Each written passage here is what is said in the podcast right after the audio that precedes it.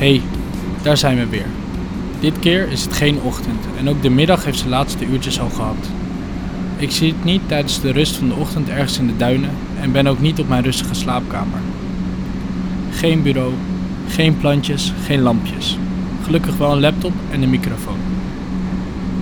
Eigenlijk zit ik op een van de drukste plekken die ik normaal gesproken dagelijks bezoek, het OV. En om het nog erger te maken zit ik in een sprinter richting Amsterdam. Ik heb hier geklemd tussen mens en raam gezeten, snakkend naar frisse lucht. Ik heb gestaan in het gangpad waar het zo druk was dat mijn rugzak op de grond moest staan.